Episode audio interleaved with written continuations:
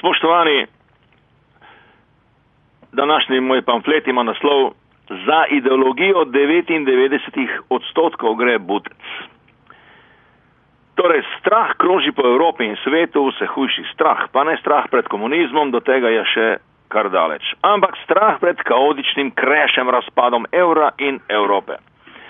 No, ta strah ima le nekaj skupnega z onim Marksovim duhom, ki straši v komunističnem manifestu, namreč to, da obliva predvsem vladajočo elito. Glej na zadnje hudo svarilo starega perverzneča Soroša, da imajo evropski politiki samo tri mesece, da rešijo evro. Špekulant spet se je paniko, da bi že v profit, bi rekel Žižek. Morda. Morda pa ni tako, morda pa gospoda, ki je res že v letih in, ki je že v letih in so oni njegovi preskrbljeni do konca sveta, resnično skrbi, da je konec sveta pred vrati in da bo imel vendarle prav Žižek svojo knjigo živeč v poslednjih časih.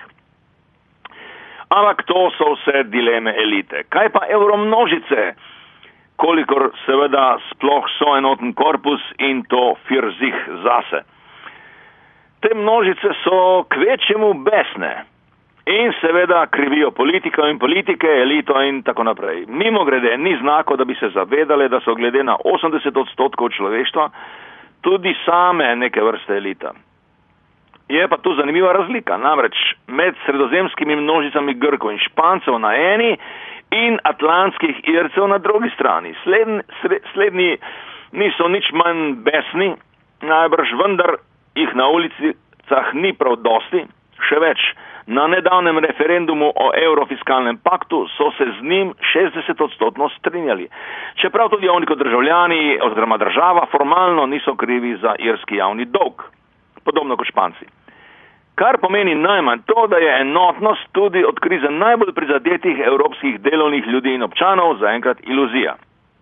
Vendar, kot rečeno, vprašanje politično delojoče enotnosti ponižanih in razžaljenih, revolucija na kratko je še daleč, vsaj po mojem mnenju.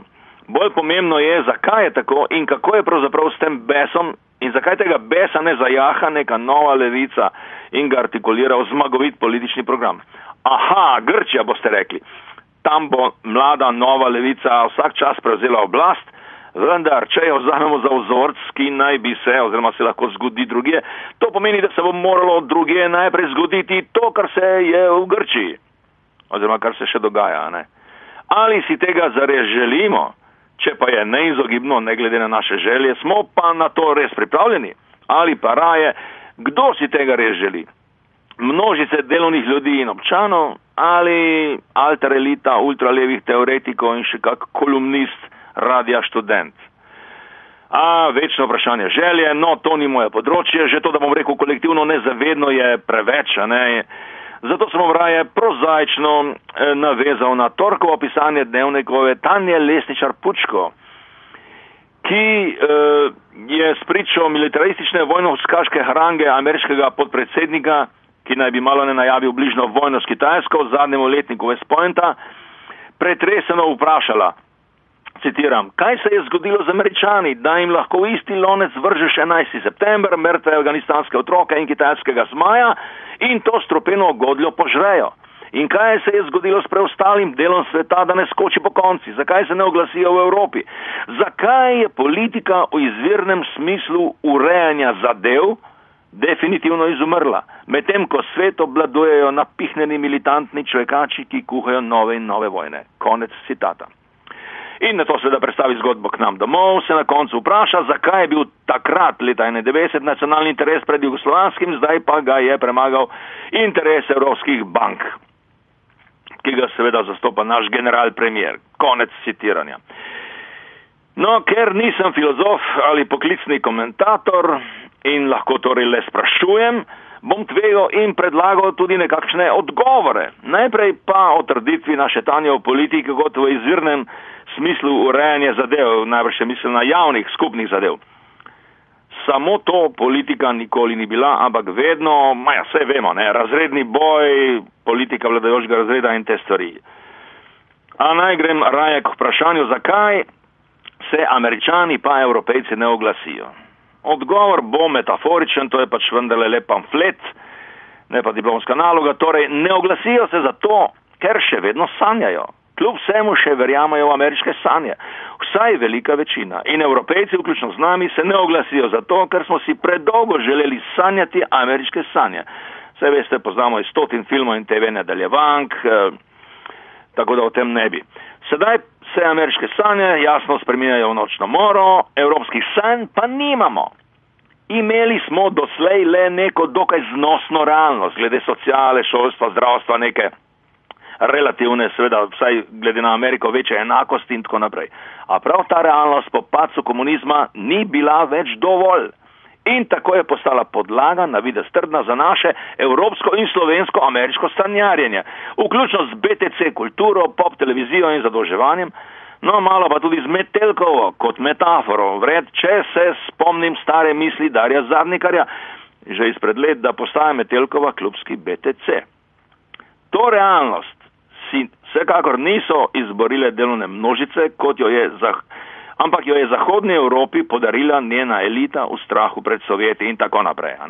Pri nas je bilo nekoliko drugače, a zadnje čase tudi podobno.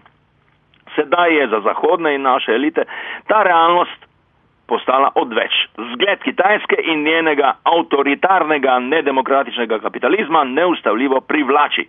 Množicam pa lahko servirajo zgodbo o finančni nevzdržnosti sociale, o življenju prek možnosti in tako naprej. Imajo v rokah medije in vse instrumente ideološke aparate države.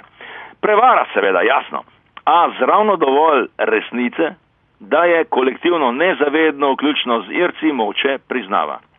Mediteranski španci in grki, relativni novinci v Evrolandiji, so očitno mislili, da so s pacem svojih polkovnikov in kaudilja dobili pravico ne le do evropske realnosti, ampak tudi do ameriških sanj.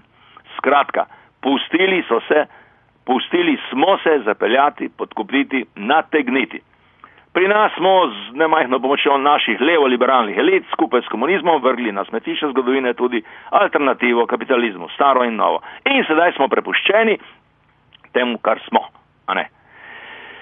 Ja, uh, to velja seveda za uh, vladajočo elito, ki, na katero smo tako besni in, in, in, in seveda privoščimo vse najslabše. Ne?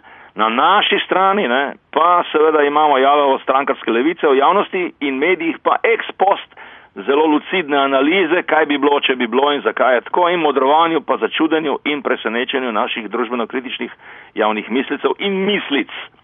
Čast izjemam ala masnak, seveda se podpisani ne izključuje iz te združbe. Pa to je še dobro. Večina javnosti je te normalne, a ne uh, mainstreamske, je prepuščena oziroma se prepušča televizijski praznoglavosti pop krčmarjev in krčmaric in svetovljanke v kanalu A. Ta je nedavno na vprašanje, kaj dvigne pritisk, odgovorila: krivice. Pa ne samo to, ampak še zaljubljenost in fitness. Ljubko, a ne. Ampak ta gospodična, spoštovani, ima na slovensko javnost precej večji vpliv kot naša Tanja, da o podpisanem ne govorimo. In točno za to gre. Za kolektivno nezavedno in ideologijo teh naših in evropskih, ameriških 99%. No, pa če pogojmo, pogojno odštejemo nas in naše somišljenike, najmanj 95%. O okoljski problematičnosti alter ideologije rasti na mesto vrčevanja, pa kdaj drugič, lahko noč in srečno.